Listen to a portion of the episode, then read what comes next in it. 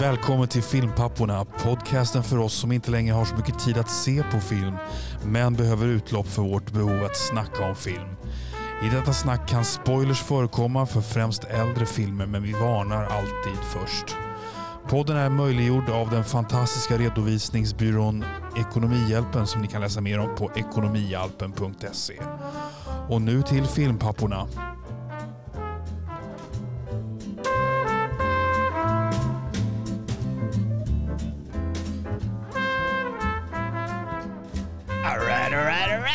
Alright! Här är vi. Igång. Excellent. Och Nu är vi, eh, vi är tre filmpappor idag. vi är tre filmpappor. Det är filmpappan Oliver, som vi precis har hört. Och du heter Robert. Och vem är den tredje filmpappan vi har med oss? Han heter Douglas. Douglas. Det är vår lyssnare Douglas. Oh yes. Hallå! Kul Ja. att vara med. Ja, Jättekul att ha dig här. Ja. och Ehm. saken är den att idag har vi ett litet tema eh, som vi ska gå. Det här blir inte en av de vanliga podden där med nyheter och trivialiteter, utan idag blir det en temapodd. Det var länge sedan vi gjorde en sån med topplistor och sådär. Mm, och vi har tagit vara på en fråga av Douglas och tänkte att det är mycket roligare att ha med Douglas än att vi bara sitter och babblar i mun på varandra som vanligt. Precis. Och, och jag måste bara säga, dagen till ära, nu slår jag på en liten tårta här på Skype. Ja. Ser ni det? För Douglas fyller år idag. Oj! Grattis Douglas! Oh, vänta, jag skulle haft någonting, eh, vad har jag för någonting? Jag har en... Eh, så, det var ungefär det bästa jag hade. Ja. Yes, Men du fantastiskt få fyller, eh, ja, du fyller 23 ungefär, eller? Exakt, 23. Ja, mycket bra. Yep. Ja. Stort grattis. Sen är det 41. Ja. Douglas, man hör ju på din accent att du kommer från det förlovade landet eh, Hollywood. Det, exakt, kommer direkt från Hollywood. Eller grannen till Hollywood, Oregon. Eh, precis norrut från Kalifornien. Okej. Men bott i Sverige i ja, 17 år nu eller något. Men brytningen tyvärr kommer aldrig försvinna. Nej, det är fint. Så, så du ringer oss från Sverige då med andra ord? exakt, här i Älta i Nacka. Älta, då är det inte långt ifrån jag sitter. Jag sitter i Tyresö där och Oliver sitter inne i stan. Precis. Men då, då, jag, hade ju, jag hade ju en liten fundering där när jag hörde att, eh, att eh, Douglas skulle vara med. Jag funderade på om du nämligen var vår amerikanska lyssnare. För vi har lyssnare i USA. Vi har, vi har nog flera lyssnare i USA. Om man tittar på vår statistik så är det återkommande lyssningar i USA. För att vissa länder så här, det poppar upp en när man typ trycker på fel podd eller kanske någon svensk som bara åkt dit liksom och tryckt på no- på podd. Men i USA så har vi stadigt lyssnare och de, de klättrar upp också. De, de tar en större andel där. Så typ fem, någonstans mellan 5 och 8 procent av våra lyssningar kommer från USA. Stadigt. Liksom. Intressant. Ja, och det är flera delstater också, så det är inte bara ett ställe, det är inte bara en person som sitter. Så det, är- det är lite Men vi intressant. har, någon så här, vi har någon liten lyssnare i Albanien också. Och så där, det är lite, så här, lite Ja, vi, hade, intressant demografi. vi hade en kille i Turkiet i början, men han har gett upp Just oss. Men du, det här ska bli jättekul. Och eh, Robert, vill du eh, läsa upp eh, frågan som kom från Douglas när det begav sig? Precis, vi fick en fråga på engelska. Eh, då ska vi se här, man kan slänga upp avsnittsanteckningarna där. Då löd den så här. Which film scenes get you super pumped up no matter how many times you see them? Så vilka scener får oss verkligen peppade hur många gånger vi ser den? Och vi har ju valt att tolka den här frågan lite öppet. Berätta Oliver. Ja, alltså du, du följde ju upp med lite mer, eh, eh lite friare ramar åt mig och Robert där i frågan. Att vi kunde liksom välja favoritscen att se om och, och lite åt det hållet. Eh, så vi har väl tagit vara på det, du och jag i alla fall Robert, och att liksom scener vi helst ser om. Eh, jag vet inte vad du själv har att komma med Douglas, men det är lite fritt mellan de två kan man säga. Jag tycker att det är ett bra sätt att tolka det. Lite bredare så kan man egentligen få in lite, lite mer. För att det är inte en självklarhet att ni tittar på filmer eller scener för att bli pumped up. Nej, nej, jag, tyckte att det var, jag tyckte att det var lite svårt där för att jag, eller jag, blir, jag blir pumped up av hela filmer. Det är sällan jag, om jag ska bli pumped up då slår jag på Jump av Van Halen. Liksom, om man ska ha en enskild liten, liten grej. Så det var lite, inte, inte så lätt med det här med en enskild pumped up-scen liksom, för mig. Och för, för det är lite samma sak för min del. Jag, det är ofta de scener som verkligen em, knyter an till mig. Då, då behöver det vara hela filmen. Vi har ju till exempel i em, Döda poeter sällskap, slutscenen i Döda poeter sällskap, Captain My Captain. att titta på den scenen bara i sin i enkelhet, liksom, det, det håller inte. Man behöver ha hela filmen, man behöver byggt upp till den liksom, och förtjäna den eh, scenen liksom, i uppbyggnaden. Du eh, Robert, vi brukar ju köra det här i liksom medaljordning, modell brons, silver, guld och sen har vi bottennapp sist. Eh, Douglas, har du eh, rangordnat dessa tre val? jag har inte rangordnat dem, men uh, eventuellt kan jag göra det om ni går före mig. Absolut. Okay. Har du mm. också ett bottennapp? En scen. Det här, det här det är lite knepigt att hitta de här, hur man ska definiera det här bottennappet. Du hade någon bra tanke på det Oliver? Ja, alltså det, är ju, det, det, finns ju sjukt mycket som man inte tittar på. Eh, men liksom två, en scen som man liksom lite medvetet väljer bort eh, på grund av Ja, det kan bero på vad som helst. Vi var ju inne på att det kan vara en deprimerande scen som, inte, som kommer dra ner en. Ner en. Men ja, ja, något man aktivt väljer bort, så att säga. En, en scen som man har ett förhållande till. Ja. Jag har absolut ett uh, bottennapp. Jag är nyfiken ja. på vad ja. ni har också. Kul. Men med det sagt, ska vi... Uh, dra en trumvirvel och uh, sätta igång med uh, plats nummer tre. Och Oliver, vill du ja. göra heden och skjuta först? Oliver, vad ja. har du på plats nummer tre? På plats nummer tre så har jag faktiskt en, eh, en scen i Kill Bill. I Kill Bill? Quentin Tarantino, ja. Eh, och det är alltså den här scenen mellan... Um, förlåt, det här är så en, en, en, en, scen som jag gillar att se om ofta. Eh, ska vi säga. Eh, och det är en scen i Kill Bill 2 mellan Michael Madsen och David Carradine. Och jag vet inte hur väl ni minns den här filmen, men eh, Uma Thurmans karaktär hon är ju till, på väg att och liksom ska döda alla som har svikit henne och försökt döda henne, kortfattat. Eh, och Bill är ju hennes för detta man. Eh, och Michael Madsen är Bills bror. Eh, och han har ju då gått ner sig något enormt, den här Michael Madsen-karaktären. Han, han, är ju eh, bouncer på en titty bar, som han själv säger, och bor i en eh, husvagn och är överviktig och dricker och är ganska nedgången på alla sätt. Eh, ja, nej, men David Carradine söker ju upp Michael Madsens karaktär, som ni kanske minns. Och, och liksom för att varna eh, Michael Madsen om att eh, eh, Uma Thurman är på väg och att vi måste liksom slå ihop våra påsar för att skydda oss. Och då, och då säger Michael Madsen någonting i stil med I don't dodge guilt. Uh, this woman deserves her revenge. We deserve to die. But then again, so do we. Och jag tycker det är på något sätt den här nedgångna karaktären. Han har liksom nästan mest värdighet av alla i den här filmen. För han står för någon slags warrior code. Att liksom, nej vi ska, nu låter vi things play out. Vi är alla en, ett gäng massmördare liksom. Men nu får, hon, nu får hon sin chans att döda oss. Och chips fall where they may. Jag tycker det är, ja, jag får lite rysningar av den scenen. Och Det som är lite kul också med den scenen, det är att eh, du och jag Robert har ju pratat om att Tarantino har tappat, tappat stinget och han gör fortfarande bra scener, men han gör inte så bra filmer längre.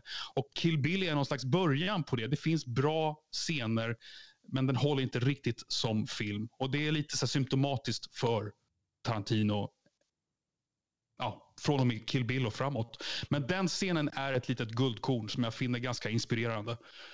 Intressant. Jag hade väntat mig att få höra Tarantino och jag hade väntat att få höra Michael Madsen tillsammans i en scen, men jag hade inte väntat mig den scenen.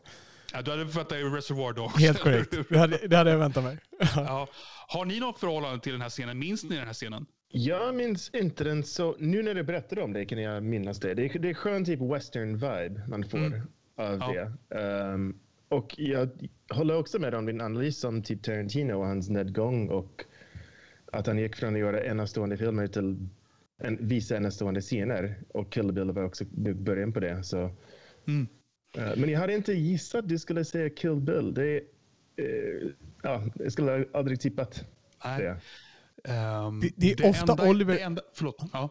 det är ofta Oliver uh, överraskar i topplistorna. Det är det brukar vara lite Beavis och Butthead, det blir lite Norbit, det blir lite annat liksom. Det, det är inte bara franska depprullar. Liksom. Nej, jag har en enorm bredd. Ja. Ehm, men eh, det som jag inte gillar med scenen dock, det är att han lägger på den här um, Morricone-artade musiken under. Det kunde han ha strukit. Jag gillar verkligen inte hans Morricone och eh, Sergio Leone hommage-stil. Sådär. Så det- den scenen hade varit ännu bättre med ren tystnad, men det är ändå en fantastisk scen. Jag kan hålla med om det. När, när du säger det, så ja. Den scenen hade varit bättre med, utan musiken. Den hade blivit Mm. starkare då. Robert, vad säger du då på din brons? Åh, på min bronsplats. Nu måste jag kolla. Då är det så här. Vi ska åka till Skottland och vi ska tänka oss skotska hjältar. Och vad pratar vi om då? Ja, jag kan ju gissa det här. Frågan är om Douglas kan gissa det. Jag kan ju garanterat gissa det. Frågan är om vilken scen det är. Eh, Jag gissar det, det är Braveheart. What? Ja, Är det Highlander? Nej, det är inte Highlander heller. Det är Rob Roy. Det är nämligen så att Braveheart, den tillhör den här kategorin filmer. Det är en av mina tior. Och det tillhör en av de här filmerna som där behöver jag se hela filmen. Liksom. Där sitter jag inte och plockar scener. Utan det är Rob Roy och det är slutfighten i Rob Roy. Är det någon av er två som kommer ihåg Rob Roy?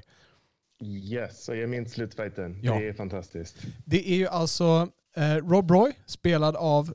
Ehm, är det Tim Roth? Nej, Yes. Tim. Roth är motståndaren. Rob Roy är, är skotten. Ja, Liam Neeson. Liam Neeson, ja. Helt korrekt. Så det är Liam Neeson som ska slåss med svärd mot, eh, Rob, eh, mot eh, Tim Roth. Och Rob Roy, han är liksom stor, eh, stor eh, högländare då med ett stort eh, svärd, ett bastardsvärd tror jag han har där. Och medan Tim Roth är en liten feminin eh, britt som har lite mer vargliknande svärd. Han, han är ungefär hälften så stor som Liam Neeson, eller hur? Exakt. Och den här fighten är riktigt bra koreograferad. Jag, jag, namnet försvinner, men det, det är en av de här svärdskoreograferna. Typ alla bra svärdsscener har han koreograferat i, i Hollywood ungefär. Nutida i alla fall. Och ehm, eh, Eh, det är för att man, den byggs upp på ett så bra sätt. I början så är det ganska, då är det paritet liksom. Men man märker också hur eh, Liam Neesons karaktär Rob Roy då, han blir tröttare och tröttare för han har ett stort, tungt svärd som det kräver mycket muskler att svinga. Och det är en viss realism i det här liksom, som bygger upp. Man ser hur han tröttas ner mer och mer och mer. Kanske en gnutta, eh, lite, att de skriver en gnutta på näsan, men det är ändå väldigt bra gjort. Och Tim Roth är klockren. Han är klockren i sin roll i, i de scenerna. Och det är inte en sån här grej som är lätt att spela. Du vet, han, han skär någon och så går han där, liksom, han, han får in en stöt liksom, och så går han liksom därifrån. Eh, och det skulle vara så lätt att spela över, för han ska vara ganska slemmig och vara liksom där. Och det skulle vara så lätt att spela över, men han gör det på ett så trovärdigt sätt och man blir så irriterad och störd på den karaktären. Liksom. Mm. Det, det är underbart att se Tim Roth i den eh, scenen. Han, han stjäl ju scenen där, men det, det, är, hans, det, är, liksom, det är hans eh, scen att stjäla också. Eh, Kul. Det låter som eh, bättre än Gladiator. Eh, Ja. Absolut. Rob Roy har ju en viss realism. Den, den kom ju ut, och, den kom ut strax innan Braveheart och gick inte så bra öde till mötes för att Bravehearts trailers hade börjat rulla ut på den tiden och eh, plötsligt så fick publiken välja med att antingen kunde de gå och se den här lite halvmesiga Rob Roy nu eller också fick de se en jättestor mastodontrulle liksom om några veckor senare när de kunde gå och se Braveheart. Så jag tror det, det tärde lite på kassan i, i eh, Rob Roy då. De fick inte så jättestor framgång eh, i box office. Vad har du för minnen av Rob Roy, eh, Douglas? Så jag minns, jag visade den eh, till min kusin. Jag tycker att Rob, Rob Roy var så bra, framförallt sista scenen. Och min kusin är, han är nästan som en bror till mig. Typ riktigt s- stor, stark, macho, alfa kille. Och han var så förbannad att Rob Roy inte bara körde över den här Ti- Tim, Tim Roths karaktär direkt. Att, att han tyckte typ, det, här, det här är så otrovärdigt, det, det inte finns. Men de vänta och vänta, för det slutade så bra när han tar svärdet i handen. Ehm, ehm, och den vänder ganska snabbt där. Ehm, så jag minns den väldigt, väldigt väl. Um, man vill inte visa upp en film som man tycker är bra och sen att någon ska typ, nej det här, det här suger. Det är ingen bra känsla. Nej, precis. Men den vände. Ja, det, är, det är en bra slutscen som är en, det är en, det är en gnutta makaber. Man ska inte, jag vet inte hur man kan säga att slutet är oväntat, men, men både ja och nej. När, när man väl sitter där så blir det det, men ändå är det inte det på något sätt. Det är överraskande på ett sätt. Mm. Ja. Men det, är- det är liksom att det, det, är, det är en välgjord scen. Det, Ja. är det som är kontentan av det. Det, Ja. det är en ganska lång scen. Hela den här stilen håller på i över fem minuter tror jag, eller någonting sånt där. Eh, Mm. Och liksom byggs från, från dess i början, liksom när Rob Roy, han är pigg och han, han går på, liksom, han eh, touchar. Och, och sen ser man hur han sakta nöts ner, liksom skråma för skråma. Och, allting. Ja, det är bra. Mm. Det är riktigt bra. Och den, Tim Roth, som sagt, det, det är värt att se film, scenen bara för honom. Mm. Så Kul. Douglas, om du nu har fått rangordna dina medan vi har suttit och pratat lite grann. Vilken lägger du på tredje plats? Vad får vi då? Ja, eh, tredje plats är eh, Sicario, en scen från Sicario. Och jag antar att ni kan gissa vilken scen. Är det den Eh, vid vägtullen? Yes. jag misstänkte det. Ja. ja, det är ju mäktig film. Berätta. Yes, exakt. Um, så det är när um, de är i, i Mexiko, i Juarez och ska köra över gränsen. Um, ett gäng. Jag vet inte om de är typ um, FBI eller um, CIA lite mer? CIA, någon Ja. disco-blandning. Um, och de får typ någon poliseskort av mexikanska polisen fram till gränsen. Um, och de tänker att de ska komma förbi väldigt smidigt och sen plötsligt är det um, typ helt stopp uh, vid gränsen. Och um, det är, de är typ omringade av en massa bilar, trafiken står still. Så tittar de runt och sen får de syn på en, en bil med fyra, fem väldigt arga eller eh, misstänksamma mexikaner i, um, och får känslan att något, något kan hända. Um, och det är, det är en hund som skäller. Det är typ inget ljud. Det är väldigt tyst nästan. Um, samtidigt som att det är, är otroligt spänd och man vet att något ska hända. Och de får inte lämna... De, de, samtidigt pratar de med um, kontrollrummet och vi frågar dem typ the rules of engagement. Får de typ lämna bilen och typ omringa den här eh, bilen. De måste stanna i bilen tills de andra snubbarna går ut. Um, och så fort en av mexikanerna öppnar dörren då um, uh, the shit hits the wall, uh, eller hits the fan. Och um, det är bara ör. Men den, den är så bra scen att den är så fint uppbyggd och um, så stämningsfull. Mm. Ehm, jag, jag såg om den för inte så länge sedan. Och det här är alltså, det är, jag håller den här på riktigt eh, som en av de tajtaste scenerna i, av alla filmer. Alltså den spänningen de bygger upp, det är helt makalöst. Och det är minimalistiska medel också. Det är, inget, det är inga stora penseldrag, inget jättestort drama. Det är smått, det är medel, det är realistiskt, det är tempot, det är jätte... Alltså den är fantastiskt bra uppbyggd. Kommer du ihåg den scenen Oliver? Ja, jag minns filmen som väldigt bra. Det, alltså, det jag minns mest är ju hur bra Benicio del Toro är. Eh, faktiskt, alltså, det känns som att han var lite, i min värld var han lite bortglömd eh, tills jag såg den. Eh, och, eh, jag minns lite andra scener, men det var, det var, det var mäktigt även det. Eh, det är ju en väldigt, eh, det är ju en ganska politiskt inkorrekt film känns det som. Eh, Jag håller med. Ja, och ja. det, behöver, det behöver inte vara dåligt. Alltså det är bara så här, det känns som att så här är det. Du vet, en, en kvinna körs nog ganska lätt över i de där sammanhangen och det är väldigt välgestaltat med Emily Blunt. Och mitt starkaste minne från filmen det är nog slutscenen mellan henne och Benicio del Toro där han liksom bara, hon är helt överkörd. Liksom. Det, det är det jag minns mest från filmen faktiskt. All right. Så eh, då har vi tagit oss igenom våra treor.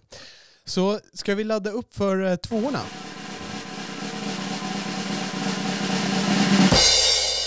Ta dem i Okej. samma ordning. Och Oliver, innan eh, idag så sa du att det fanns en risk att vi skulle ha med samma scen.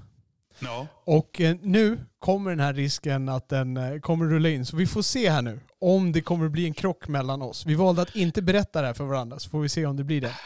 Eh, Ja. ja, Ja, nej, men det är väl så här, det, är- det är väl frågan om du har den som tvåa eller etta. Eh, men det är ju margin call. Det är margin call. Det är min Ja. tvåa. Okej, ja, men då kör vi den. Och det är, Eh. jag har scenen med när Jeremy Irons kommer in i, eh, till styrelsemötet där. Ja, och det har jag också. Och Douglas, du har sett filmen vet jag. Eh, Ja. ja. Eh, det här är, det här är a mother of Christ så många gånger jag ser om den här scenen. Det, det är perfekt YouTube. Det är, så, det är en så bra enskild scen på 8-10 minuter. Det är så bra dynamik mellan alla. Eh, hierarkierna är så bra etablerade och Jeremy Irons är... Alltså det här är jag tycker på riktigt, det här är, det här är acting genius, tycker jag. Eh, och Eh, det, det, går att peka på så otroligt många grejer, men det är en liten detalj som jag skulle vilja lyfta. Det är att jag gillar att Jeremy Irons är en aning scruffy i sin appearance. Han är inte helt, liksom, helt klockrent klädd, utan han, har, han ser liksom ut som att han har levt lite hårt och jag får någon väldigt, väldigt, väldigt realistisk vibb över honom. Det här känns som, det här är en gammal räv som för sig precis som en gammal räv i den här branschen gör. Uh, och han, uh, ja, säg något du Robert, jag har hur mycket som helst ja, att säga. Så om jag kan berätta för lyssnarna som kanske inte ja. har sett den här scenen hur den uh, utspelar sig. Då. Det, det handlar då om, uh, under börsklassen, de, det är ett företag då som håller på med finansgrejer. De har börjat upptäcka att uh, det, är, det finns stora håligheter i deras investeringar. Väldigt stora håligheter. Det vill säga att de, har, de äger skräp och de behöver sälja det här skräpet snabbt. Och det här börjar uppdagas mer och mer och nu sitter de alltså mitt i natten. Det här uppdagas liksom under dagen, en som har suttit och räknat på det under kvällen så börjar han sprida ut meddelanden. Så nu är de liksom på småtimmarna på natten. Det har gått igenom den normala styrelsen och nu ringer de in högsta höns och så har de samlat mm. alla då i ett eh, rum, i ett styrelserum. Och högsta höns är då Jeremy Irons som kommer in och har då fly, det känns som att han har flugit in med en jet eller en helikopter och landat där precis då. Mm. Och kliver in i rummet. Ja, och det här är, jag tror att det här är, det är väl löst baserat på Merrill Lynch tror jag. Eh, faktiskt. Ja. Eh, och eh, då har du Kevin Spacey som är, eh, vad är han i rang? Nummer tre, nummer fyra känns det som. Någonting. Något i den stilen. Uh, och så har du en, uh, vad heter den där blonda skådisen som väl är nummer två. Som spelar uh, The Illusionist som jag inte heller kommer ihåg namnet nej. på. Men det, man kan säga att uh, det, det, är ju då Kevin Spacey är boss över den här engelska skådisen som i sin tur är tillfällig boss över de här två riskanalytikerna. Och det är en av riskanalytikerna som har upptäckt det hela. Eh, och han får då sitt, st sitt stora break i sammanhanget, får man väl säga. Han får då presentera sin analys för den här styrelsen. Och Jamie Irons kommer in och är charmant och, och liksom låter den här killen glänsa lite. Men i ett visst skede så sätter han honom på plats och liksom visar sin makt på ett ganska snyggt sätt. Eh, han plattar till Kevin Spacey lite grann ja, jag vet inte vad jag ska säga. Det är, det är mästerligt gjort bara. Han tar, och det är så bra dialog också. Han tar kontroll över situationen. Man, man känner vad det är han driver mot. Alltså, ja. vad han, alltså han, han har en agenda han ska driva och han använder de här personerna. Han, går inte, det är liksom, han är inte där för att socialisera. Så Han är där för att få ut den här killen. Han behöver behandla honom så här för att han ska få ut all information. Han behöver behandla honom så, så han håller sig på sin plats. Mm. För det är en pusselbit han kommer behöva göra. Den här, han kommer, Kevin Spacey kommer behöva göra någonting han inte vill göra. Då behöver jag behandla honom så här. Mm. Makalöst bra skrivet, makalöst bra utspelat. Ja, liksom. Och jag älskar hur han använder sin charm att liksom dra ner sig själv tillfälligt. Han säger så här, trust me, it wasn't brains that got me here in the first place. liksom, och, eh, och okay, han, kanske, han kanske inte är riktigt lika smart som den där rocket scientist-killen, men han är nog smartare än resten av rummet i övrigt, ja. vågar jag säga. Och säger han inte något i stilen med typ eh, ex, explain it to me like I'm a child. Helt ja, korrekt. I den ja. stilen. Golden retriever. Ja. Fantastiskt. Och ja. uh, det är intressant att ni nämnde den här scenen för att jag aldrig sett om den scenen. Men samtidigt, det är en scen som jag brukar tänka på. Mm. På typ hur någon i en sån så viktig roll behöver inte vara smartaste personen alltid i rummet, men han är typ så bra att, att förstå trender och viktiga saker. Um, och precis som du sa Robert, ta till sig den informationen um, som han behöver på ett väldigt tydligt sätt, väldigt smart sätt. Jag tänker typ, um, det skulle vara rätt skönt att ja. ha den förmågan. vad, vad han säger, my job is to hear the music and right now I'm not hearing a thing eller något sånt där. Ja, ja. precis. Så, så, Oliver, hade du den här som din tvåa också? Ja, ja. hade jag. Så vi hade identiska tvåor, helt osökt. Kanske inte helt oväntat, men helt osökt. Absolut. Mm. Eh, det finns hur mycket som helst att säga om den här, här scenen. Eh, det, den känns så... Jag, har, jag, tror, jag kan inte komma på många eh, mer realistiska gestaltningar än, än Jeremy Irons. Du vet, du vet, han gör grejer som man ofta inte får se i amerikanska filmer. Han pillar sig på näsan och han fipplar på bordet. Det, alltså det är så superrealistiskt. Jag, ja. Det är så superrealistiskt, hela hans aura, ja. tycker jag. Ja, en perfekt scen tror jag. Ja. Jaha, då undrar jag vad har vi som etta egentligen om den här, om vi är så lyriska ja, här? där kommer vi skilja oss, det ja. ja det, det, kan jag lova dig också, det kan jag svära. Så Douglas, vad har du som tvåa? Det är inte Margin Call misstänker jag. Uh, nej, uh, det är inte Martin Call, uh, men det är en scen från Whiplash. Ah. Eh, en film som jag gillar väldigt mycket. Jag är ingen typ musikmänniska, men det är en film som tilltalar mig väldigt mycket med J.K. Simmons som är helt fantastisk i, i den filmen. Och eh, hela filmen går ut på, på något, något sätt eh, till det här typ, to the, do the ends justify the means lite grann. Att um, kan man typ pressa fram excellence um, genom att vara um, stenhård, nästan misshandla, psykiskt misshandla personer.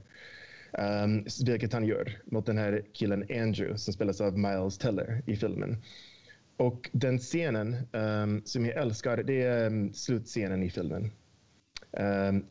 där Um, Andrew har blivit typ utsparkad från det här typ eh, väldigt cutthroat music eh, conservatory. Och sen stämt um, ehm, Fletcher, så J.K. Simmons. Um, och han var tvungen att sluta. Um, så um, de råkade typ träffa varandra på en bar. Och, så J.K. Simmons övertalade Miles Tellers karaktär att vara med i någon musiktävling. Um, och han, uh, när Teller är med J.K. Simmons försöker sabotera honom helt och krossa honom för han misstänker att det är på grund av Miles Teller att han har varit tvungen att um, sluta på den Music Conservatory. Um, ehm, och um, han gör en magplask. Eh, Miles Teller typ gör verkligen magplask um, för att han inte vet vilken låt som ska spelas. Han är trummis. Um, och sen istället för typ att gå därifrån kör han en, en typ solo och få um, få till en ny låt som ska fortsätta spela.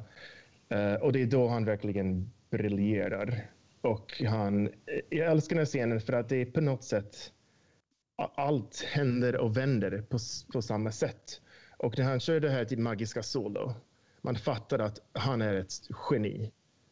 Och samtidigt, J.K. Simmons vänder från att jag ska få revansch på den här killen till att yes, nu har jag lyckats få fram min geni. Samtidigt i bakgrunden ser man uh, Miles Tellers pappa som är uh, Paul Reiser. Han är så bra i den här filmen också. Och man ser, det är typ fem sekunder, man ser hans blick och hur han uppfattar holy crap, min son är eh, enastående. Um, och det är så bra. Han, typ Paul Reiser, han har ingen dialog och han kunde förmedla det här bara med hans blick. Um, och det är samma sak också med typ Miles Teller och J.K. Simmons på slutet. J.K. Simmons visar också typ yes, jag, har lyckats. Man kan se det i blicken på dem. Och så slutar filmen. Och man vet inte vad som har hänt. Är det typ, betyder det här att allt det här miss, misshandel var okej? Okay? För att han har lyckats? Um, jag älskar att filmen bara slutar sådär på topp. Um, och sen måste man efteråt, man tänker på filmen så mycket efteråt, försöker att bearbeta det här och vad, vad filmen och scenen betyder. Det här är intressant för eh, är intressant hur du tolkar eh, filmen Douglas. Så du har ju då sett om den till skillnad från mig. Jag har sett filmen och jag gillade den. Men jag, jag satt mest och funderade på om han är en sadist bara eller om det är in the name of art. Eh, du verkar ha en ganska tydlig tolkning av det hela. Ja, jag tolkar det som att han inte bara är sadist, nej, nej. utan han är nöjd till slut. Att mm. Även om han blivit typ one-upped um, av Miles Tiller, mm. att han är... Det, det, visar att hans metoder kan funka. Ja. Ehm, får, jag, får jag ställa en liten fråga? Jag gillar filmen, men det jag tycker är lite märkligt, och jag antar att det kanske man får köpa som liksom en, eh, ett, en, vad ska man säga, ett, ett drama, ett, en, en drama-device eller vad man ska säga. Men jag tycker kanske inte att det är helt trovärdigt att han lackar så mycket bara på trummisen hela tiden. Han håller inte på i sadist mot resten av orkestern, utan det är bara den här trummisen som han mobbar i hela filmen igenom som jag minns det. Reagerade du på det? Ja, ja, lite grann egentligen. Men det, han var rätt hård mot alla. Men visst, det kan stämma att det är trummisar han var kanske hårdast något. Det, det kan stämma egentligen. Jag, jag tror att det, var tvunget, att det är ett tvunget filmgrepp där. För att Ja, om det är man- device. Ja, annars så Ja. skulle det bli liksom lite för brett. Man skulle tappa fokuset. Man behövde ha fokuset på de här trummisarna. För det är ju ganska många, vad är de, de är tre trummisar som snurrar runt på den här stolen filmen igenom tror jag. När han slåss då för en plats. Och han använder ju den här tävlan, den använder han som ett verktyg för att trigga dem. Mm. Och, och han har ju där, det finns ju en annan känd scen i den där när de sitter just på baren som du nämnde Douglas. Och, och när han säger när eh, de sitter och pratar liksom om, eh, är, det verkligen, does the, end, does the end justify the means? Och han säger där, eh, what if you would discourage the next Charlie Parker? That's the thing. The next Charlie Parker wouldn't be discouraged. Och det är liksom, jag, jag, tror att, jag tror att han har den där. Och Jag, till och med i slutscenen när han då ska så att säga knäcka och hämnas. Jag, jag ser det mer som ett liksom, eh, jag, jag, jag, kan nästan köpa att det också är en del av det. Jag, jag tror att det är en del av hans plan. Jag tror att han ska, han ska bara knäcka det där ägget. Han ska få ut den där liksom kycklingen som finns där inne. Eh, och han är beredd att knäcka några ägg, eh, några tomma ägg Mm. liksom på vägen. Jag måste säga att jag är nog lite formad också av att han har spelat den äckligaste människan någonsin i världshistorien, den här skådisen. Han har ju spelat den här sadisten i Oz. Jag är ganska formad av att han är ond. Jaha, ja, Liksom. okej. Ja. Men eh, ja, så jag, ser, jag ser nog inte det här budskapet lika tydligt som, som ni. Jag, Ja, jag kommer ihåg, han var fantastisk i Oz. Ja. Utan Ja. ja. jag, jag trodde det här var en film som du skulle uppskatta mer Oliver, i och med att den är, ligger lite nära jazzen. Eh, eller väldigt nära jazzen. Mm. Ja, men jag gillar den, men ehm, ja, fast det är lite så här någonstans. Jag vet, det var ett, någon jazzmusiker som jag följer på, på Facebook faktiskt, som, som sa det, eh, någonting i stil med eh, nu förstår jag alla astronauter som skrattar åt Interstellar ungefär. Ah, Eh, och, men jag, jag, vet inte, jag, jag, kan, jag förstår att det är ett, drama device, att han bara hackar på, på trummisen mer eller mindre. Eh, eh, men ja, det är ju lite, ja, men jag gillar den, men det är, lite, det är inte världens bästa jazzfilm Nej. i mina ögon. Nej, det blir väl så. Det är Baker Boys, eller hur? Ja, det är det. ja. All Ska vi right. göra en segway in till mitt guld? Ja, Eller, all right. Ska vi skjuta in på guldet där? All right, så... ehm, då har vi klockat ner oss på två, treorna och tvåorna. Och då kommer vi till den bästa scenen. Oliver, vilken scen kan du se om och om igen och känna dig lika pumpad varje gång? ja, det är faktiskt en scen ur The Fabulous Baker Boys. Det är det. Det är det. Det är det. Det är det. Och det är lite så här, ehm, det, det är en scen som jag kan liksom vila mina ögon på lite grann. Och det är öppningsscenen i The Fabulous Baker Boys. Berätta, vad hände? Eh, eh, Eh, alltså Jeff Bridges är ju en womanizer som super och röker och är missnöjd med livet och spelar i en duo med sin brorsa, vilket uppdagas ganska snabbt. Och han vill egentligen spela riktig jazz. Eh, och då är liksom öppningsscenen, eh, solen faller över Seattle och han ska precis lämna sitt senaste one night stand och dra på sig sin, eh, sin smoking vad det är. Och, och så frågar hon så här, will I see you again? Han bara nej. Och, eh, och så precis när han då lämnar lägenheten så har de lite dialog. Och det är så snyggt. Um, det är så snyggt tajmat i förhållande till musik. Du har musiken som börjar, uh, men så är det liksom lite tystnad i musik, musiken. I, i liksom pausen i musiken. Och då lägger den här kvinnan någon replik. Sista replik. Och sen så, liksom, så smilar Jeff Bridges upp lite grann. Och så går han ut och så sätter musiken igång liksom full flow. Och så går han igenom Seattle eh, för att nå den här cocktail-loungen eh, på ett hotell med den här väldigt sorgmodiga musiken av Dave Grusin. Vi hade ju ett avsnitt du och jag om filmmusik och det slår mig att jag kanske kunde haft med den här musiken som en av mina favorit soundtracks. Eh, och liksom öppningen, det är, den, det är den snyggaste öppning på en film jag någonsin har sett. Du vet, han går ner för den här gatan och det är sån här 80-tals typografi som är otroligt snygg. Liksom, The Fabulous Baker Boys rullar upp som titel medan eh, precis efter att James, Jeff Bridges har gått över gatan i en trafikerad gata. Och, och så går han då igenom de här ganska kalla miljöerna medan alla credits rullar. Eh, så det, det är liksom, eh, vad ska man säga? Det, det, det är pleasant watching. Hur cool är Jeff Bridges? Han är så jävla cool. ja, men han är faktiskt cool, det är han. Eh, men det är en trovärdig cool person. Liksom. Han är så här, ja, men ganska osympatisk och allt vad du vill. Har han solglasögon på sig i scenen? Nej, det har han inte. Nej, men det är inte så här larvigt liksom. Nej, det här känns nej. som så här, Mm. han är, det är väldigt välagerat av Jeff Bridges. Måste jag säga. Det är väldigt välagerat av alla skådisar. Du säger att han vill spela riktig jazz. Vad är det de spelar eh, egentligen då? Ja, men du, vet, du har ju någon öppningsscen där de liksom spelar People. Det är en sån låt som eh, Barbara Streisand eh, sjunger. Alltså det är inte, det är inte, alltså de spelar i en cocktailduo, två pianon. Eh, och de spelar liksom The Girl from Ipanema på någon sån här Hawaii-bar. Och man bara ser hur Jeff Bridges är jättemissnöjd med allting. Eh, och sen så är det då någon scen där han spelar jazz i en, en slummig del av Seattle eh, på en riktig jazzklubb. Och då sitter han där med en, med en trio liksom, och spelar lite Bill Evans-artad musik kan man säga. Douglas, har du sett The Fabulous Baker Boys? Nej, jag har inte se- sett den. Och det känns som att du har, du har valt en riktig eh, musikfilm och jag har valt en hittepå musikfilm. Men eh, nej, jag har inte, inte sett den faktiskt. Tycker du Nej. att det är Jeff Bridges bästa roll? Ja, jag tycker nästan att det är det. Ehm, jag har inte sett, vad heter den då? Iron Man. Nej, den har jag inte sett. Bad guy där. va? Han är bad Ja. guy. Jag tänkte på ehm, Tron. den här när han spelar en, ehm, en avdankad um, countrymusiker.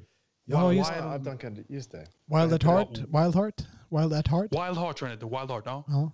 Ja, men han har gjort väldigt många bra roller, men det där, är, där känns han verkligen, i Baker Boys känns han klippt och skuren. Och det är ingen, så här, det är ingen virtuos performance, utan det är så här små medel rakt igenom.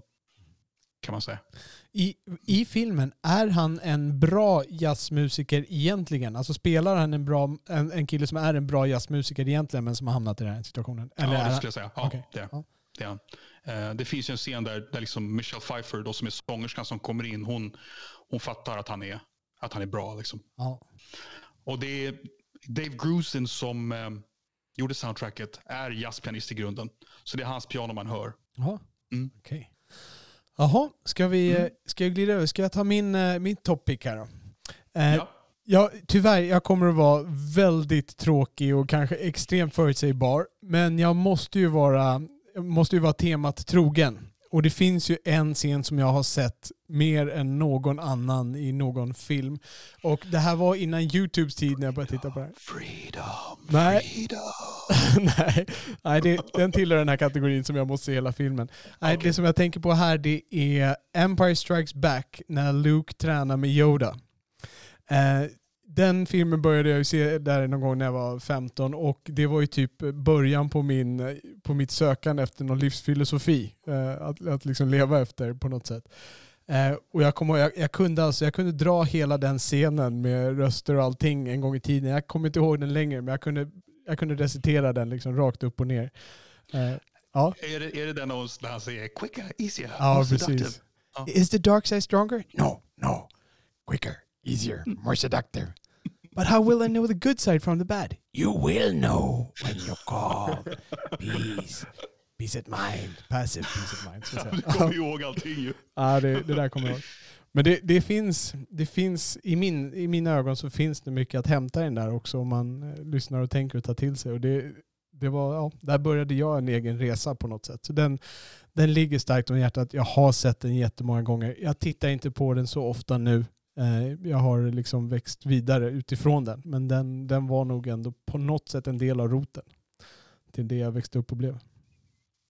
Så, när du sa Empire Strikes Back tänkte jag det är klart du väljer Darth Vader, Luke Skywalker, lightsaber Ja, just det. med Luke, I am your father. Ja. Det, är, um, så, det överraskade mig att du valde just den scenen. Ja, just det. Sen finns det ju en, en väldigt, om man tar väldigt kort så är det ju den här, jag har ju ofta nämnt den eh, när de ska, precis när de ska frysa ner hans solo eh, där och, eh, och prinsessan Leia då till slut eh, erkänner sin kärlek till honom. I love you. I know, säger han bara. Det bästa, Fantastiskt. åt, vad heter det? Rebuttal. Inte rebuttal. Ja. Den, comeback. för mig, Empire Strikes Back, den är lätt på mina topp fem filmer någonsin. ja, det är så. Jag tycker att det är fantastiskt. Okej, Jag lämnar er i ett rum sj- rum själva. Äntligen! Vi kan sna- snacka med om sådana här filmer. Ja. Ja, det, finns, det finns mycket att hämta i den filmen på många fronter. Ja, så det, Mm. det var min, eh, min etta. Jag vet inte hur mycket jag ska berätta. Jag kanske kan berätta som om det finns någon som inte har sett den här. Det gör det ju säkerligen. Eh, Vi vet ju några lyssnare som inte är så begeistrade i den här typen av filmer. Det som är i den här scenen, eh, Luke har då kommit till träskplaneten Dagobah för att han ska tränas till en jedi-riddare av Yoda. Och Yoda är då en gammal jedi-mästare som först inte visar sina rätta färger men sen får han reda på att Yoda då är en, en liten grön gubbe. Har då den här eh, kraften, kraftigare än någon annan. Och eh, det är i den här träningen, det är då han ger de här eh, visdomsorden till Luke om man säger så. Det låter lite tråkigt när man säger sådär, det tar lite värdet ifrån det. Men det finns, eh, det finns som sagt saker att hämta i den där. Det finns symbolvärde i de här scenerna. Det finns filosofi och tanke under de där grejerna. Och det är lite det som de nya filmerna tappade. Eh, säga vad man vill om George Lucas och prequels och sånt där, men han hade alltid en tanke, han hade en filosofi, han hade en holistisk helhet. Eh, det, fanns, det fanns kött under där. Sen var han inte så bra på att skriva kärleksscener och vissa andra saker, men ja, eh, den eh, scenen är, jag älskar den jättemycket. Mm. Jag ska se den med min son här nu i höst också. Får vi se. Och nu kommer vi fram till vår stjärngästs guldmedalj. Ja. Så Douglas, vilken scen blir du allra, allra mest pumpad av? Ja. Um, det är från en film som jag har bara sett i sin helhet en gång faktiskt. Okay. uh, och det är Last of the Mohicans. Och det är oh. slut, uh, slutscenen i den filmen som är Uh, Michael Mann-film och jag tycker att det är i samma nivå som den här bankrånscenen från Heat som var egentligen nära att platsa på min lista också. Um, och det är um, kanske lite svårt att beskriva allt som händer på slutet men det är typ um, så filmen utspelar sig i typ French Indian War och um, den här scenen börjar med att, så det, det, är två olika karaktärer i filmen som är kär i samma kvinna. Um, så Daniel Day-Lewis som spelar Hawkeye och sen en brittisk soldat uh, som heter Duncan. Och um, båda vill offra sig för att typ eh, Indian tribe ehm, för att rädda den här tjejen ehm, som spelas av Madeline Stone. Ehm, och de väljer till slut Duncan som Madeline Stone är inte kär i egentligen. Um, hon är kär i Daniel Day-Lewis karaktär. Um, som den här, de här indianerna ska brinna upp Duncan. Så de lägger honom på typ en eld. Daniel Day-Lewis karaktär skjuter honom för att rädda honom för att lida i den här branden. Um, och sen sätter de iväg för att jaga och komma ikapp eh, uh, Madeline Stone och hennes, um, hennes syster, tror jag att det är, eller en annan tjej. Uh, och typ allt, allt händer i den här scenen. Det är väldigt lite dialog. Um, egentligen. Det är till vackra landskap och fantastisk musik. Det är kanske lite cheesy, men den här musiken tycker jag är fantastisk i filmen. Um, och uh, det, det, är ganska mycket spoilers, men det är många som dör. Uh, det är en ganska långsam film. Det är inte en, som sagt, jag har bara sett filmen en gång egentligen. Men den här scenen, den har allt. Uh, det är eh, pappa, det här, det här Chingachok som är en av de här Mohicans. Hans son dör mot den här Magua, Magua-karaktär som är West Studi, som också är favorit i Michael Mann-filmer. Um, så pappan ser hans son dö. Han går in och dör själv, den här Magua karaktär. Um, ehm, när uh, Magua dödar ehm, um, Chingachoks son, um, den här andra tjejen är typ kär i hans, hans son och hon offrar sig och typ hoppar av den här typ berget, dödar sig själv för att hon tror att det är Magua som ska typ ta tillbaka henne. Och, um, så det är typ allt, allt som händer. Um, pumpande scen, vackra landskap och uh, bra musik. Uh, mycket våld också. mm fantastiskt bra musik av Trevor Jones. Det är ett av mina absoluta favorit-soundtracks. Det är, den lyfter hela den filmen, många snäpp kan jag säga. Den, den, den, den filmen är jättefint målad. Som du säger, det är jättefina landskap och musiken är den perfekta ramen till, eh, till de bilderna som man ser. Är det Michael Manns... Det känns som att det är en Michael Mann-film som sticker ut lite grann. Jag är så van vid urbana miljöer när det kommer till Michael Mann. Verkligen så. Det, Um, man, man, ser definitivt hans handgrepp. Det är, det är ganska stylistiskt, stilistiskt uh, filmat. Uh, och det här är väl jag brukar ju klaga på att jag saknar lite själ i hans filmer, precis som i Ridley Scotts.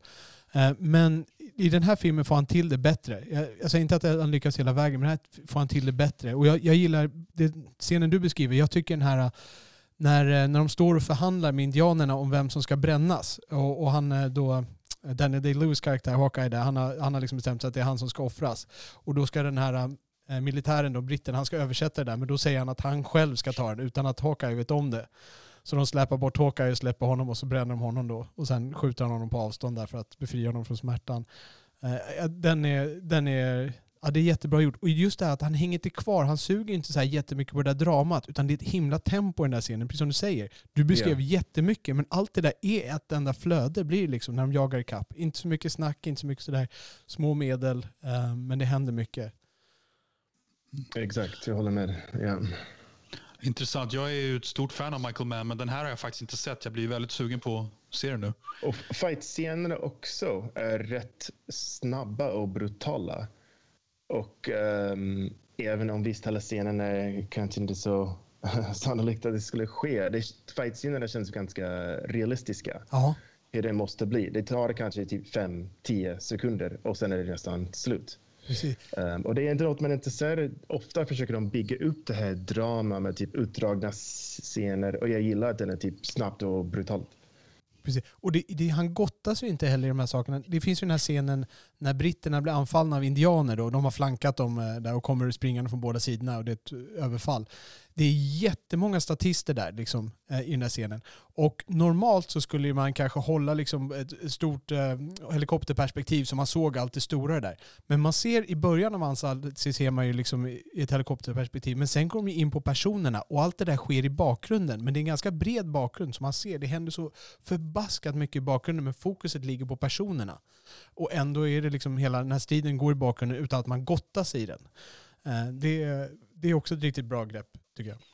Ja, det är en, det är en fin film. Jag, jag, jag, ser den filmen som en extremt vacker tavla eh, när, när jag tittar på den. Liksom. Mm. Det är, den, är, den är så skön att se på och, och, landskapen är alltså landskapen i Amerika, i Nordamerika, där de är ju eh, breathtaking, andningstagna. Ja, det, och de lyfter fram dem där. Så jag kan nog rekommendera dig för Oliver. Jag tror inte du kommer gilla alla aspekter av den filmen, men jag, jag tror att du kommer vara intresserad av filmen i alla fall. ja, det tror jag också. Det tror jag också.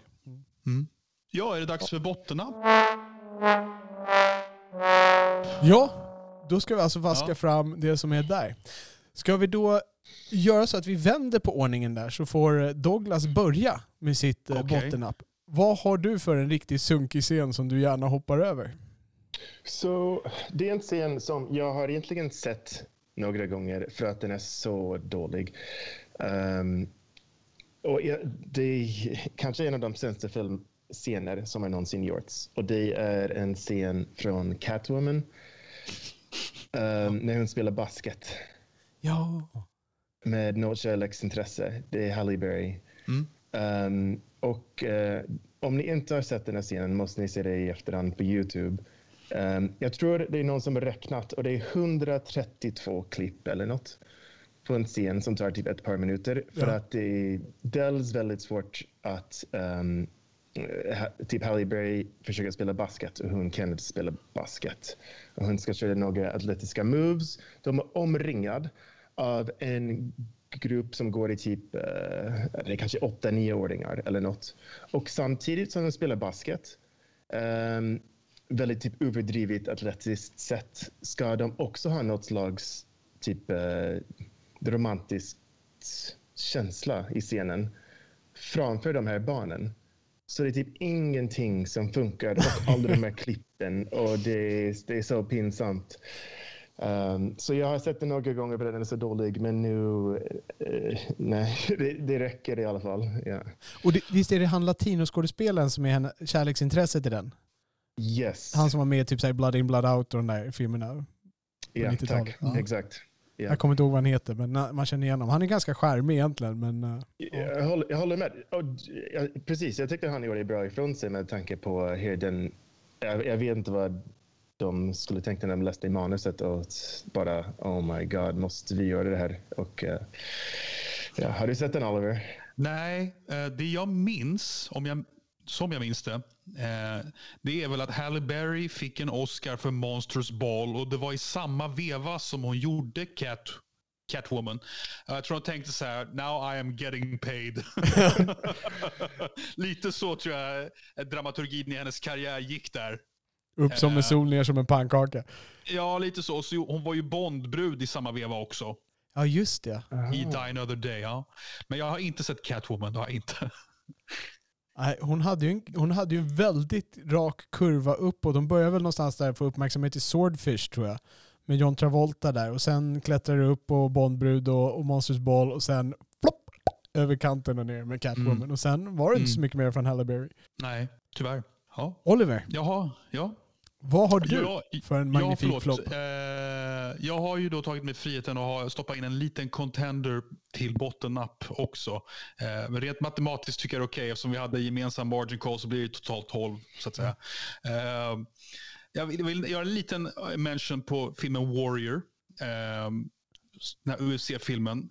Eh, den här scenen när Tom Hardy avvisar Nick Nolte i kasinot där. Mm.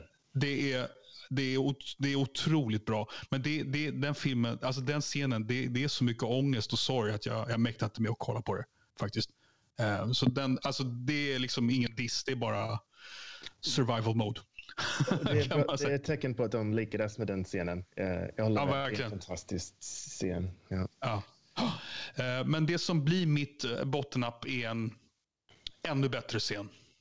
Eh, Det är i filmen Babel. Jag har bägge sett den. Ja, just det. Ja.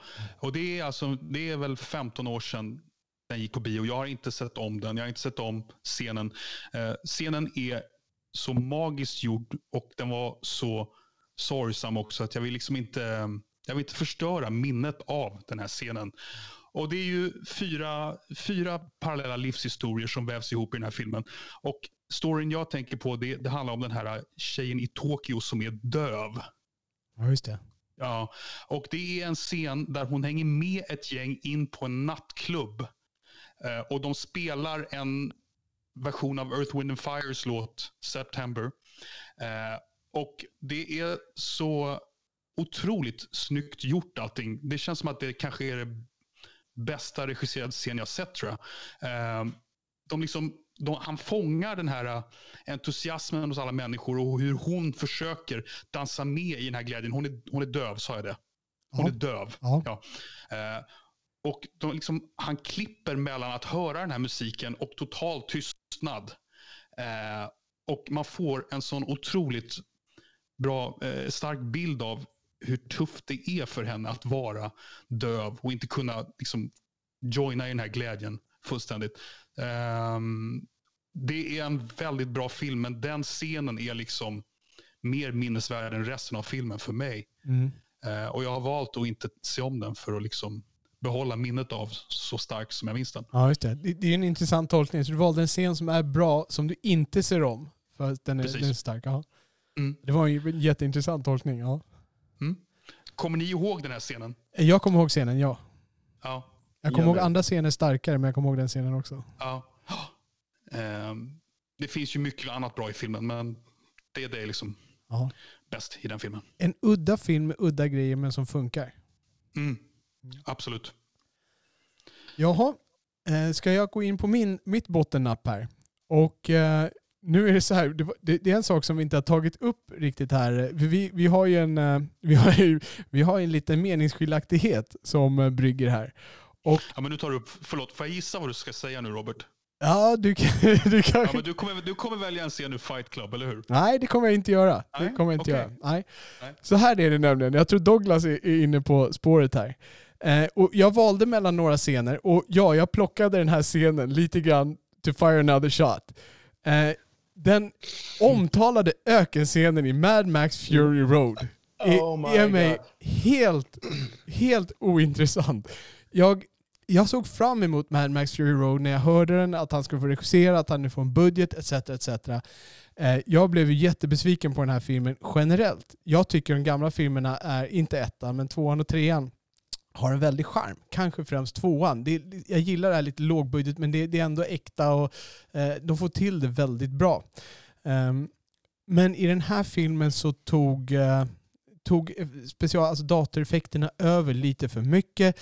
Och jag, det, liksom, det blir den här det är ett rött skimmer över, inte hela filmen, ja det är lite över filmen generellt sådär. Och, och det, det maxas i den här scenen, de ska åka in.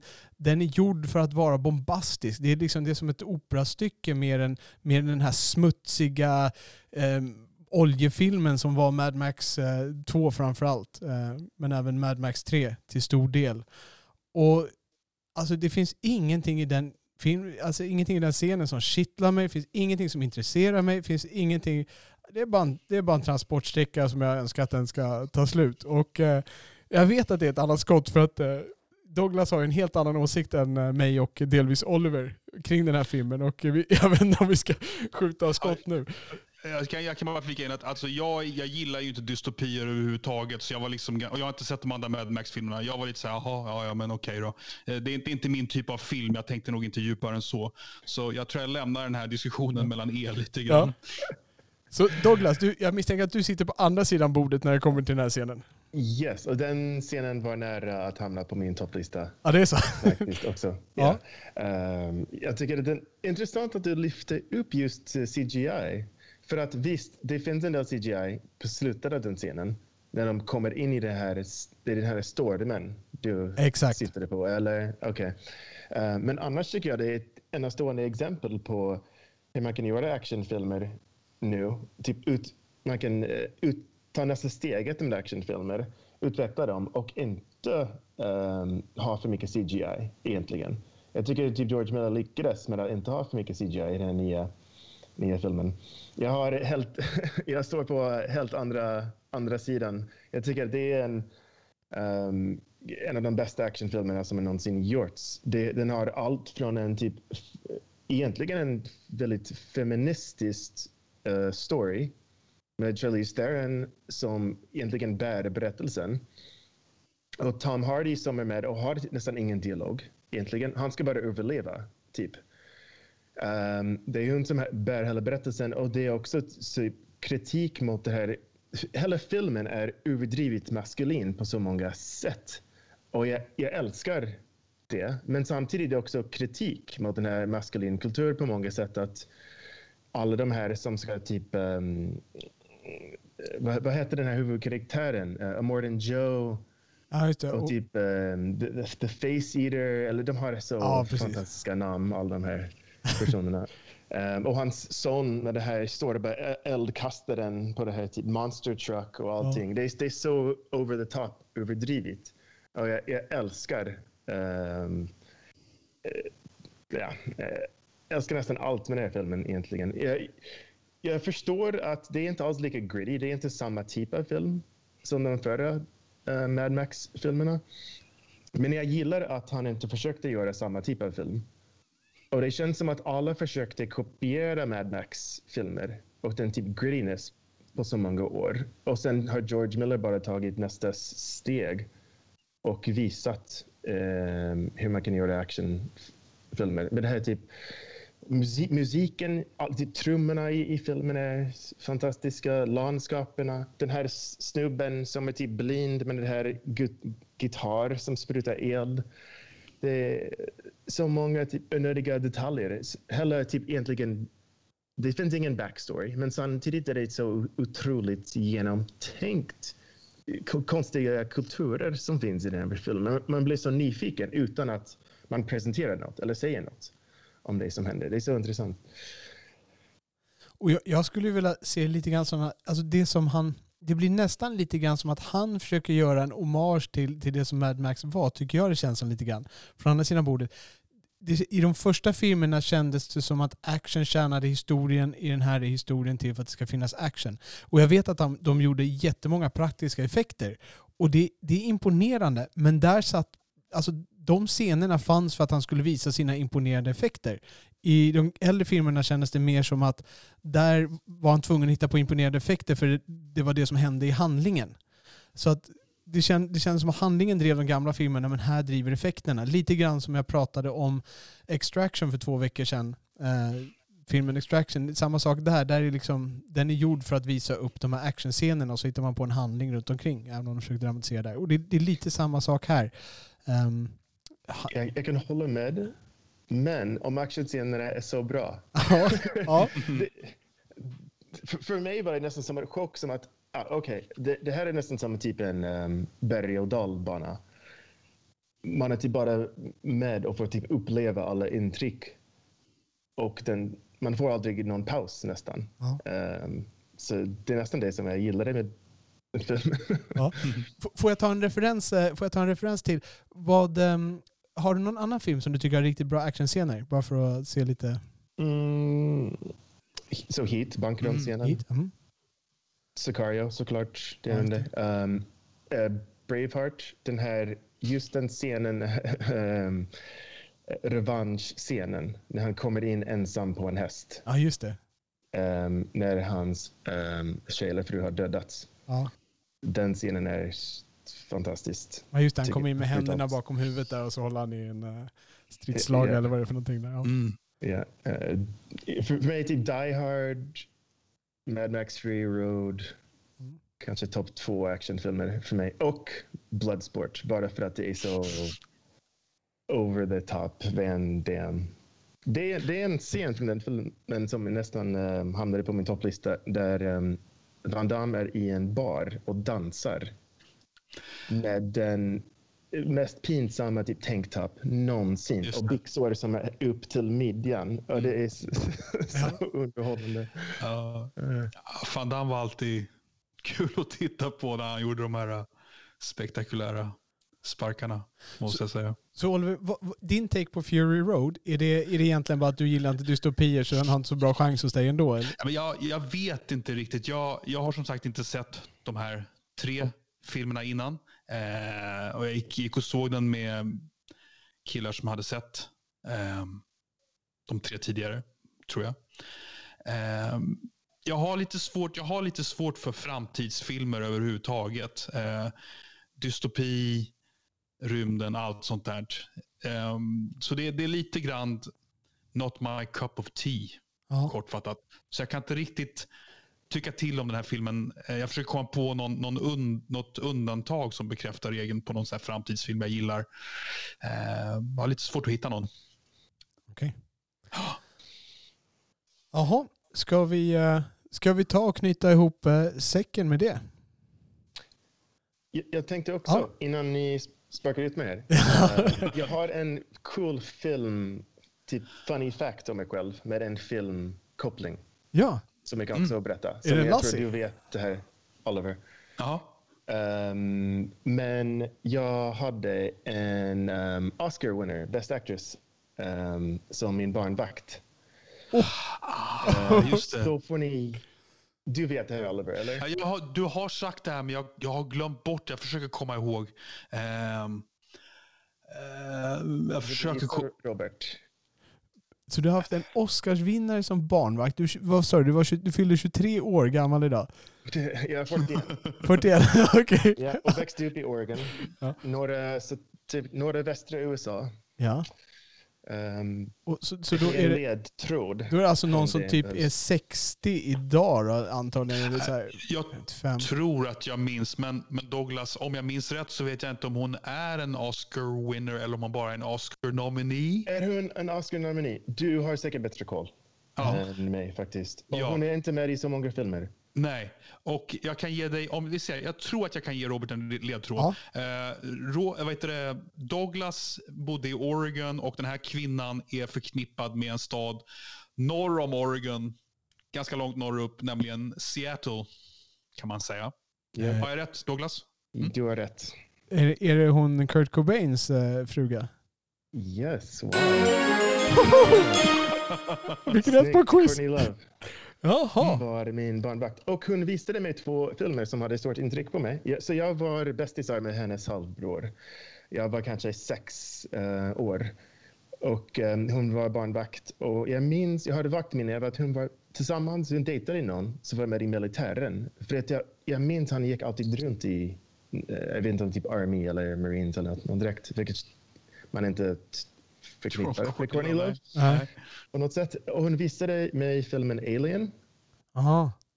och jag fick mardrömmar av den i typ tre, fyra månader. Förlåt, hur gammal var du då? Eh, jag var sex. Oj, oj, oj. Eh, och eh, Porky's Day Out. Okej. Hon lärde dig alla facetter av livet på en gång. Fy fan vad klassiskt. det känns som Courtney Love på något sätt. Ja, jag visar de här, idiot, äh, de här galna filmerna. En porrfilm och en, en skräckfilm. Liksom. Mm. Eh, Po- Porky's Day Out, det är den första filmen. Första Porky's-filmen. Ja, ja, Nej, okej. Det är det enda jag har sett. Ja. det är inte så stor skillnad på dem. Nej, räcker med det. Fan Jaha, vad kul. Ja. Så att då, då, då är jag alltså typ fyra steg från Kirk Bain, för jag känner Oliver, så du, Oliver känner Douglas och du känner, nej, det blir fem steg. Där. Det är, Ja. det är coolt. Jag är nästan med i Nirvana. Jag är liksom det sjätte hjulet Ja. i Nirvana. Och liksom vår connection till, alltså i och med att vi har connection till eh, Courtney Love, då har vi en connection till ganska många, ganska många coola människor vill jag tro. Så vi kan snart börja leka Kevin Bacon med oss själva. Mm. Six degrees Yes. of Kevin Bacon. Ja, det är coolt. det, det borde vi göra till en utmaning här på podden någon gång. Douglas, det var superkul att ha med dig. Jag hoppas att det här är början på en trend. Både en trend att vi kanske får tillbaka dig på en intressant ämne. Eh, kanske slåss mer om eh, Fury Road. Och eh, också att vi kanske får med fler lyssnare som är med också. För det, det, det var väldigt roligt att få, en, eh, få ett gästskådespel här. Jag håller med, det var kul. Verkligen. Tack att jag kunde vara med. Och- Och, eh, ska du fira nu ikväll då, eller vad händer? Jag ska dricka lite alkoholfri öl. Ja. Ehm, och vi får se. Jag har inte sett Parasite ännu, så vi ska kanske se Parasite eller Nobad eh, Land faktiskt. Okej. Oj, Nomadland. Då, ja precis, då måste du ha Apple, nej Disney är den går på ja. Exakt, den är på Disney. Ja. Mm. Just det. Ja, Kul. då eh, får vi önska dig grattis på födelsedagen och stort tack för att du var med. Tack. Och Grattis. eh, vi eh, knyter väl ihop här. Och och Mm. vet du om man eh, vill lämna kommentarer, var ska man göra det då Douglas? Har du koll på det? Eh, nej, jag har... Han skickar sina kommentarer till mig via Facebook. Vi basunerar ut våra kanaler ingen annan. Nej, men det, är, det är på Twitter, att filmpapporna. På vår hemsida, avsnittskommentarerna. Mm. Och eh, ni kan också eh, ja, precis följa oss på Twitter, att filmpapporna där. Eh, där vi skickar ut, inte allt för mycket just i de här tiderna. Vi har ju gått ner på eh, varannan vecka-tema här nu, eller varannan vecka-schema. Och det beror ju på att jag eh, har en liten dotter som inte har landat riktigt än. Vid inspelande tillfället i alla fall. Men det är förverkar och jag såg idag vad jag tror var en stork. Det finns ju inte så mycket storkar i Stockholm men det kan inte ha varit en hägel eller någonting. Den var för stor och för rak och sådär. Så att, eh, det är många omen här och mina kollegor drömmer att jag föder barn och allting. Så att eh, tecknen hopar sig. Så det kanske landar någonting snart här. Så att, eh, därför har jag gått ner på varannan vecka-schema och ska försöka hålla det över sommaren och köra även lite så här temapoddar, vilket är kul. Så med det så säger vi stort tack till eh, Douglas. Oliver skickar iväg några fler ballonger och eh, som Mm. vanligt eh, tack till dig Oliver för att du är med och drar i det här. Tack Robert. Och tack alla ni som lyssnar. Ciao.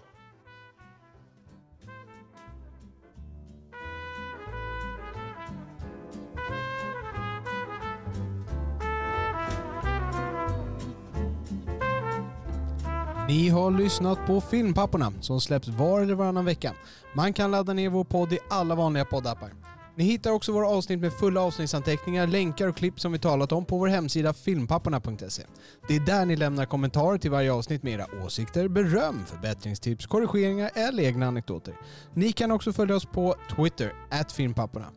Och med det så tackar vi redovisningsbyrån Ekonomihjälpen som möjliggjort denna podd och önskar er alla mörka salonger och så salta popcorn. Grrr.